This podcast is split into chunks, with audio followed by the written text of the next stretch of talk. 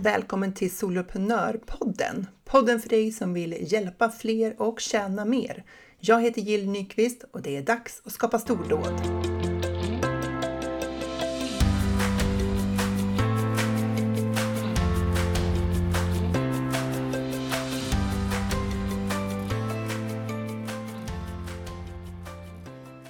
Hur ger du dig själv goda förutsättningar det här året att komma ut med dina tjänster, nå rätt personer, hjälpa fler och sälja mer?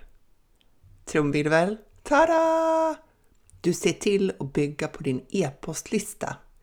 Jag vet, vi har pratat om det här förut du och jag här i podden, men jag vet inte hur du känner. Men jag känner att det är verkligen dags att återvända till det här ämnet, fräscha upp tankarna kring det här strategiskt viktiga vägvalet och aktiviteten i ditt företag. Den här veckan eh, har varit, eh, ja, men det har varit en bra vecka. Eh, jag har fått in flera nya kundförfrågningar, vilket ju alltid är roligt. Och jag får leverera på många eh, roliga jobb som redan är igång. Och för att inte tala om det som vi gör i Soloprenörerna. Vi har ju jobbat med att skapa eller vässa vårt oemotståndliga erbjudande nu under januari och under februari så kommer vi prata om det här med kampanjer och Eh, mer eh, specifikt hur man bygger upp själva innehållet i kampanjerna. Alltså i vilken ordning ska man kommunicera? Vad kommer först? Vad kommer sen? Hur följer jag upp det här och så? Så vi kommer liksom fokusera på content, innehåll. Och det var ju en ganska bra övergång till dagens poddavsnitt ju som faktiskt definitivt handlar om innehåll och värdeskapande content. Du har med största sannolikhet hört det många gånger. Så här, pengarna är i listan eller du behöver bygga din lista och, och så vidare och så vidare. Och jag gillar verkligen e-postmarknadsföring. Så om du frågar mig så är allt det där sant. Jag kommer ihåg hur otroligt märkligt det där lät i början. Jag liksom började mitt företagande online. Pengarna i listan. Och att skicka ut mejl och tjäna pengar. Eh, var inte det lite otroligt? Det kändes som värsta fantasin. Lite önsketränkande kanske. Men nu har jag sålt så mycket via e-post att jag är en true believer. Så. jag har sålt hundratals, eller förresten, det är nog tusentals nu för tiden, böcker jag har sålt mängder av medlemstjänstabonnemang. Jag har sålt en del föreläsningar och coachningstimmar. Så pengarna finns verkligen i listan. Och det bästa är ju att det nästan är gratis att jobba med det. Visst har du väldigt många prenumeranter på din lista så kostar det ju en del, men om du också har det och det är rätt personer så är ju det väl investerade pengar. Om du har ett e-post marknadsföringsprogram redan idag så använd det. Fundera inte i första hand på att du ska byta ut och lägga energi på att komma liksom, och liksom byta ut det mot något annat, för det finns jättemånga alternativ. Utan lägg energin på att komma igång med det du har istället. Du kommer inte att tjäna mer pengar för att du byter från Mailchimp till MailerLite eller tvärtom. Det är inte det som gör den viktiga skillnaden som gör skillnaden. Att hålla på att byta tekniska system, det är att jobba på lagret och där ska du befinna dig så kort tid som möjligt av dagen att aktivt marknadsföra din freebie och jobba med den listan du har, det är att kliva fram i kassan och ta emot kunder. Det är där du bygger företaget och det är där du hjälper människor. Att trixa på lagret, det kan vara lite så komfortabelt, mindre läskigt, men du tjänar inga pengar där. Det finns heller inget sätt att bli bra på e-postmarknadsföring som inte involverar att du faktiskt skriver nyhetsbrev, skapar värde och säljer till din lista. Du behöver öva, hitta din röst, skapa kontakt med dina följare, lära dig vad de har nytta av. Och när du sätter fart med det här så kommer du få snabb feedback för du får ju statistik på allt det här. Statistik på öppningsfrekvens, antal klick, antal som har avprenumererat och så vidare. Snabbare feedback och knappt att få än så. Om du är uppmärksam så lär du dig massor om vad just dina följare går igång på inom just ditt område. Och kom ihåg att det faktiskt är toppen varje gång någon trycker på avprenumerera. Det håller ju din lista uppdaterad och fräsch med rätt personer för just dina tjänster. Men varför funkar e-postmarknadsföring? För att eh, helt ärligt, så är det ju inte någon av oss förmodligen då som på riktigt vill ha ett till mail. Det råder ju ingen brist på mail, information och annat som pockar på vår uppmärksamhet. Och det är därför som sådana här opt-ins på hemsidan där det står prenumerera på mitt nyhetsbrev fungerar så oändligt mycket sämre än när du ger något av värde i en freebie för att locka dem att prenumerera. Eh, men även om vi inte behöver fler e-post så vill vi ha rätt e-post. Vi vill ha rätt information, vi vill ha värde. Det är därför det blir så viktigt att vi jobbar med e-postmarknadsföringen på rätt sätt. Med fokus på kunden och hur vi kan hjälpa till. Jag får en massa nyhetsbrev från till exempel Penstore. Jag är lite hooked på det där med att du vet det här med fina pennor, anteckningsböcker och, och sådär. Du vet. Mm. Så alltså, när jag går in på Penstore så kan jag bedriva en avsevärd, alltså det kan gå åt mycket tid där. Man kollar på olika skrivböcker och varianter. Och jag antar att alla skrivböcker, alla anteckningsböcker liksom, de gör ju vad de är avsedda för att göra. Men en del är ju så galet mycket mer fina än andra. Ja, du vet. Så Penstore dyker upp bland mina mejl ofta. Och för allra mesta så öppnar de inte för att jag inte ska hamna där att klippa, klicka runt i deras webbshop. Men när jag behöver något eller när jag känner mig inspirerad, då öppnar jag mejlen från dem. För de kommer regelbundet. Även om jag inte öppnar dem så ser jag ju dem varje gång. De är top of mind för mig inom det här området. Jag glömmer liksom aldrig av Penstore. Jag glömmer inte av att de finns för de dyker upp hela tiden. Och så funkar det ju för dig också när du skickar värdeskapande nyhetsbrev. Dina mottagare öppnar eller öppnar inte. Oavsett så ser de att du dyker upp där regelbundet i deras inbox. Och de kommer att komma ihåg dig och ditt ämne eller din nisch. Om de då får värdefullt innehåll de gånger de öppnar ditt mail så kommer det här att skapa det här viktiga No, Like and Trust. Alltså att de känner till dig, gillar dig och litar på dig. Och det kommer att göra dem mycket mer benägna att köpa när de är redo. För de kanske inte är redo första gången du säljer någonting. De kanske inte, det kanske inte är rätt timing. De kanske har investerat i någonting annat just då eller ja, det är inte rätt läge helt enkelt. Det handlar inte om att du har skrivit dåliga säljbrev utan att det var liksom inte rätt för dem just då. Men så kommer den där tiden när det faktiskt är rätt. När dina följare har bestämt sig för att ta hjälp inom det här området och så finns du där, erbjuder dem den hjälpen när deras behov är där. Att vara regelbunden i dina nyhetsbrev gör det lättare för kunden att hitta dig när just det är rätt tid för dem. Och det här funkar ju inte som du förstår om du skickar ett mejl var tredje månad. Då får du liksom lite grann börja om varje gång. Och sannolikheten att de avprenumererar är mycket större för de har inte den där relationen till dig. Så vad är problemen för oss då oftast när vi ska skicka nyhetsbrev? Vilka utmaningar har vi kring det här? De vanligaste jag stöter på hos mig själv och hos de soloprenörer som jag träffar och coachar, eh, det är de här. Du har dåligt samvete kring e-postlistan och eh, det gör att du inte gör någonting alls. Du varken skickar nyhetsbrev eller jobbar för att få in fler. Du låter helst bli att tänka på det där med nyhetsbrev och har i princip lyckats övertala dig själv om att du ändå är undantaget som bekräftar regeln. Du behöver inte det här med e-postmarknadsföring. Det blir något sånt där obehagligt som man liksom helst inte ens vill tänka på. Ett annat skäl kan vara att du har en eh, otydlig freebie som inte kopplar till eller linjerar med det som du sen ska sälja. Och det leder till att du fyller din e-postlista med fel personer. Och fel i det här sammanhanget är alltså människor som inte är intresserade av det du har att sälja. I övrigt finns det väl inga fel människor, men det blir en omatchning mellan dem och dig i det här fallet. Och de kommer inte att köpa av dig och du kommer inte kunna hjälpa dem. Ett annat skäl kan vara att jo då, du har en freebie, men du marknadsför den inte. Du sa en gång hösten 2021 att du hade en fin, fin checklista för ditt eller datt och så, ja, så var det bra med det. För du vill ju verkligen inte tjata, så sedan dess har du inte sagt någonting. Eller eh, det sista skälet eh, som jag ofta stöter på så har du helt kört fast i vilken freebie du ska erbjuda. Så du övertänker och överanalyserar vad som kan vara bäst. Vrider och vänder på idén om ja men du vet, checklista, ska det vara guide, tips, det ska det vara minikurs kanske? Det kan väl vara bra? Eller ska det vara ett webbinar?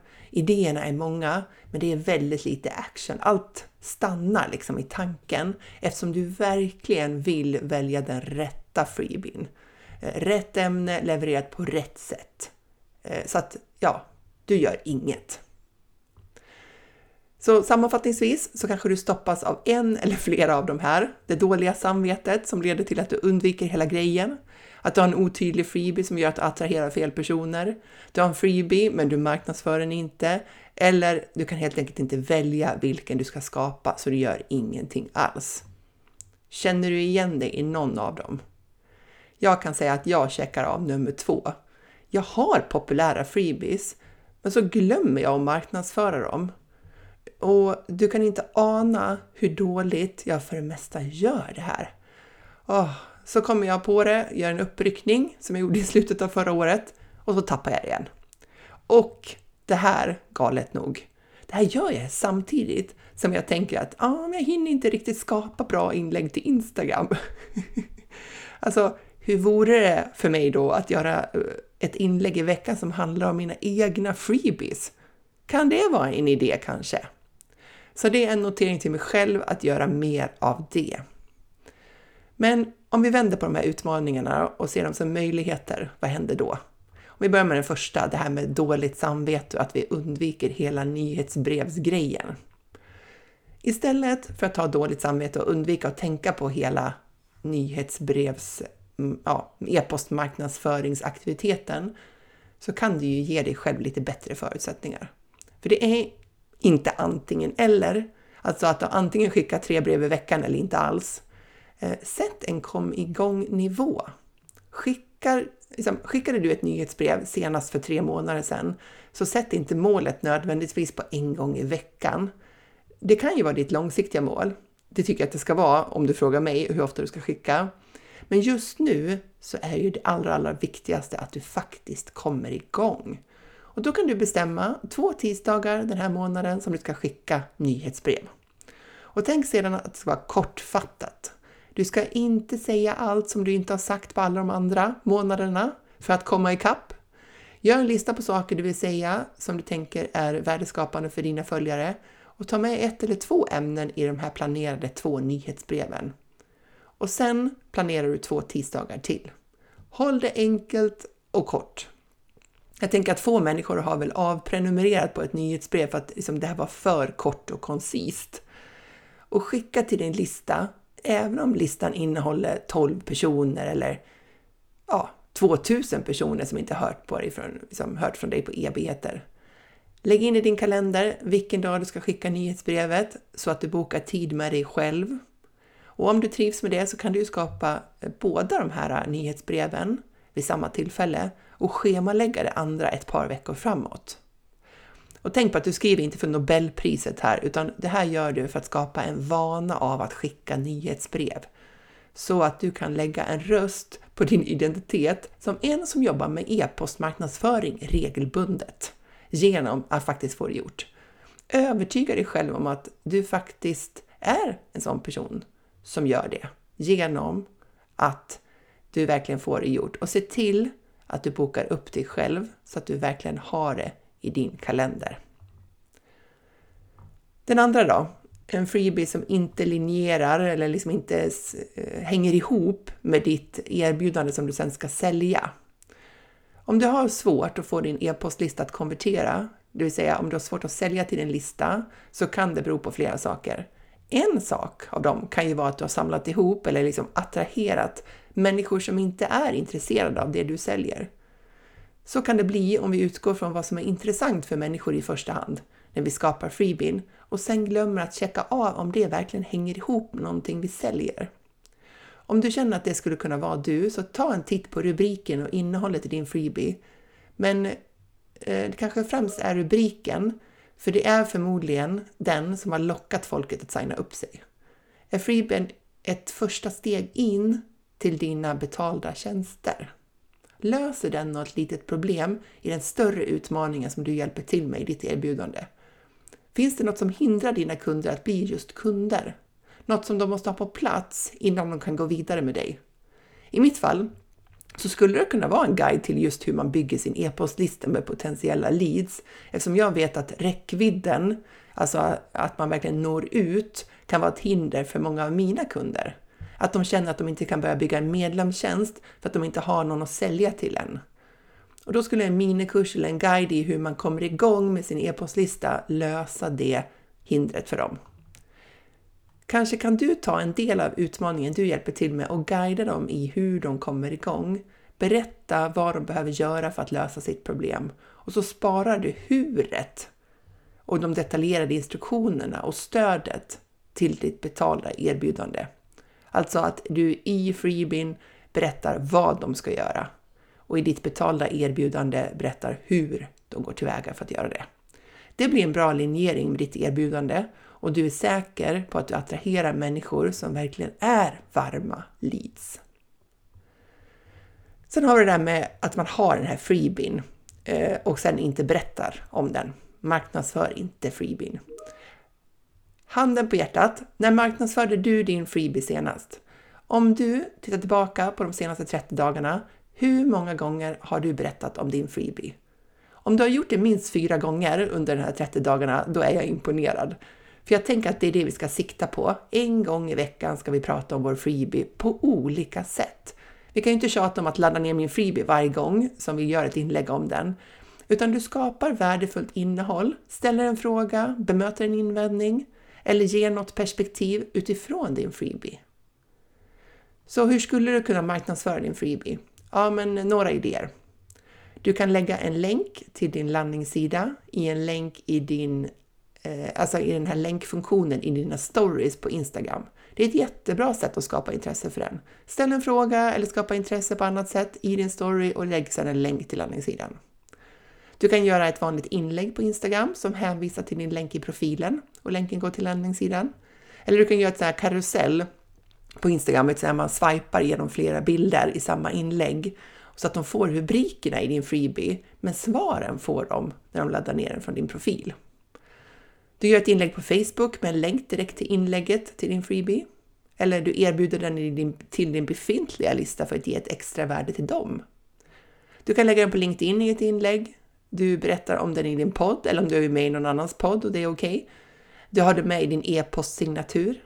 Eller du lägger en tydlig call to action på din hemsida så att den första besökarna ser när de kommer till dig, det är den här freebien. Och den här knappen då ska vara above the fold, alltså att man inte behöver scrolla ner för att se den.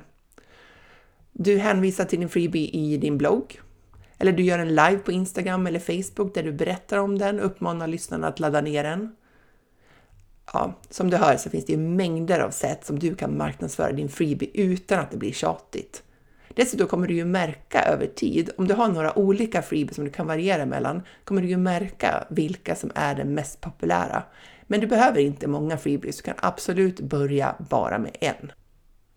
Sen har vi det här liksom jakten på den perfekta freebien som kanske sätter stopp för dig. Så ja, det här med jakten på perfektion, där kan det verkligen ta tvärstopp. Eh, du vill skapa den bästa freebien, den som verkligen funkar, känns rätt. Det finns hur många sätt som helst att leverera en freebie. Och det kan ju vara allt från att ge tillgång till en hemlig sida på din webb med tips till att ge en hel utmaning eller en minikurs som freebie. Om du inte har någon freebie alls sedan tidigare eller har en gammal som inte är rätt längre för ditt företag så tänker jag att du ska börja enkelt. Att göra en hel eh, minikurs kommer att ta tid att skapa, men inte bara det. Det kräver också en rätt stort åtagande av din kund, alltså potentiella kund. Hon eller han som laddar ner eller ansluter sig till minikursen gör en rätt stor satsning av sin egen tid. För det är vad kunden också betalar med. Förutom sin e-postadress så betalar hon eller han med sin tid. Och att ta sig igenom en minikurs, det är ju oftast tidskrävande. Och sen tar det lite tid för dig också att ta dig igenom jobbet att skapa den. Och har du ont om tid eller känner dig osäker på hur du ska göra så är ju risken stor att du kroknar eller prokrastinerar eller bara fastnar i tekniken eller sådär. Detsamma kan vara för en utmaning. Den kräver sin strategi, sitt utförande och teknik. Och den är också rätt krävande, alltså ställer också rätt stora krav på din kund att hänga med i. Har du jobbat med freebiesar under lång tid och du vill ta nästa steg så är det här två jättebra idéer. Så det är absolut inget fel alls på det.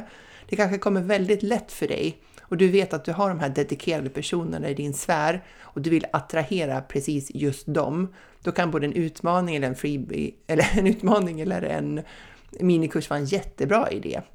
Eh, men om du vill liksom starta enkelt så är det en bra idé att utgå från en pdf som man kan ladda ner. Det kan ju vara en guide eller det kan vara tips eller en checklista inom någon del av ditt område som linjerar med ditt erbjudande. För kom ihåg som jag sa innan då, du vill ju samla på leads, alltså potentiella kunder, inte människor i största allmänhet. Om det känns futtigt med en pdf, så tänk på det här som startskottet. Du kan när du vill göra något mer avancerat och det är ju det som är så fantastiskt med att jobba digitalt. Du kan ändra dig, skapa nytt utan att du har något helt lager av något som samlar damm. Jag älskar det. Så släpp tanken på den här perfekta freebien och tänk istället att den bästa freebien, det är den som faktiskt blir gjord och kommer ut i världen. Den som får lämna ditt lager och komma ut i skyltfönstret där den faktiskt kan hjälpa någon. Inget är skrivet i sten, du kan alltid utveckla, förbättra och funkar inte den här freebien du har gjort, ja men då kan du ju testa en annan idé. Innan vi slutar, kort om att felsöka om din freebie inte blir nedladdad. Gör en koll på om du har ett trafikproblem eller ett konverteringsproblem. Alltså, får du besökare till din landningssida för din freebie?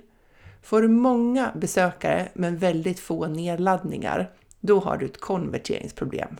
Då är det något med rubriken och texten på landningssidan som inte attraherar och då kan du testa att ändra det först. Inser du när du kollar statistiken att du har väldigt få som besöker sidan, men att du ändå får in några e-postadresser, ja men då har du ju ett trafikproblem. Alltså själva sidan konverterar, den fungerar, men det är för få människor som faktiskt ser den. Och då får du jobba med marknadsföringen av det, själva spridningen av det här. Och det här är lite viktigt att ha koll på, för annars är ju risken stor att du försöker lösa fel problem. Du kanske till och med ändrar på copy, alltså texten som fungerar, för att du inte vet att det handlade om trafiken, att det var för få, alltså själva antalet människor som besöker sidan som var problemet. Det är alltid en bra idé att bygga din e-postlista oavsett var du är i ditt företagande. Så om du är precis ny och är vilsen i vart du ska börja för att komma igång och jobba online så är det här ett bra startställe. Eh, har du jobbat i åratal eh, och jobbat med det här kontinuerligt eh, eller åtminstone ryckvis Eh, så är det ändå en bra idé att fortsätta göra det här. För vi kan aldrig ha för många människor i vår sfär som intresserar sig för samma sak som oss. Och människor kommer också att lämna vår sfär. Därför behöver vi liksom löpande fylla på och hitta och nå ut till fler för att vi ska kunna nå ut mer, hjälpa fler och tjäna mer. Så, vad blir ditt nästa steg nu? Vilka dagar ska du skicka nyhetsbrev? Jag gör en paus här. Jag väntar på att du tänker ut ditt svar i ditt huvud. Vilken veckodag passar dig att skicka ut ditt nyhetsbrev? När ska du marknadsföra den freebie du redan har? Eh, när ska du göra det nästa gång och vart? Mm. Låter bra. Eh, om du inte har någon freebie, när bokar du in dig själv för att faktiskt skapa en? Lägg arbetstid i kalendern för att få, verkligen få det gjort. För jag vet med säkerhet att en välfylld och välmatchad e-postlista, det är ett riktigt bra sätt för dig att skapa dina stordåd.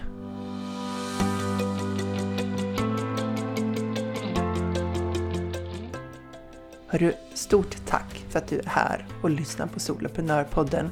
Jag älskar ju poddar själv så jag vet ju precis hur många poddar som finns där ute. Så jag är liksom extra tacksam för att du är här och lyssnar. Och stort tack även till alla er som lägger upp podden och taggar solopreneur.nu era stories på Instagram. Det gör mig jätteglad för att Eh, det här med att spela in podd, det är ju lite så här envägskommunikation från min sida och att jag får feedback på vad det är som du gillar eller har uppskattat om något avsnitt. Det gör jättestor skillnad för mig. Det blir liksom, jag känner mig lite peppad. Så stort, stort tack!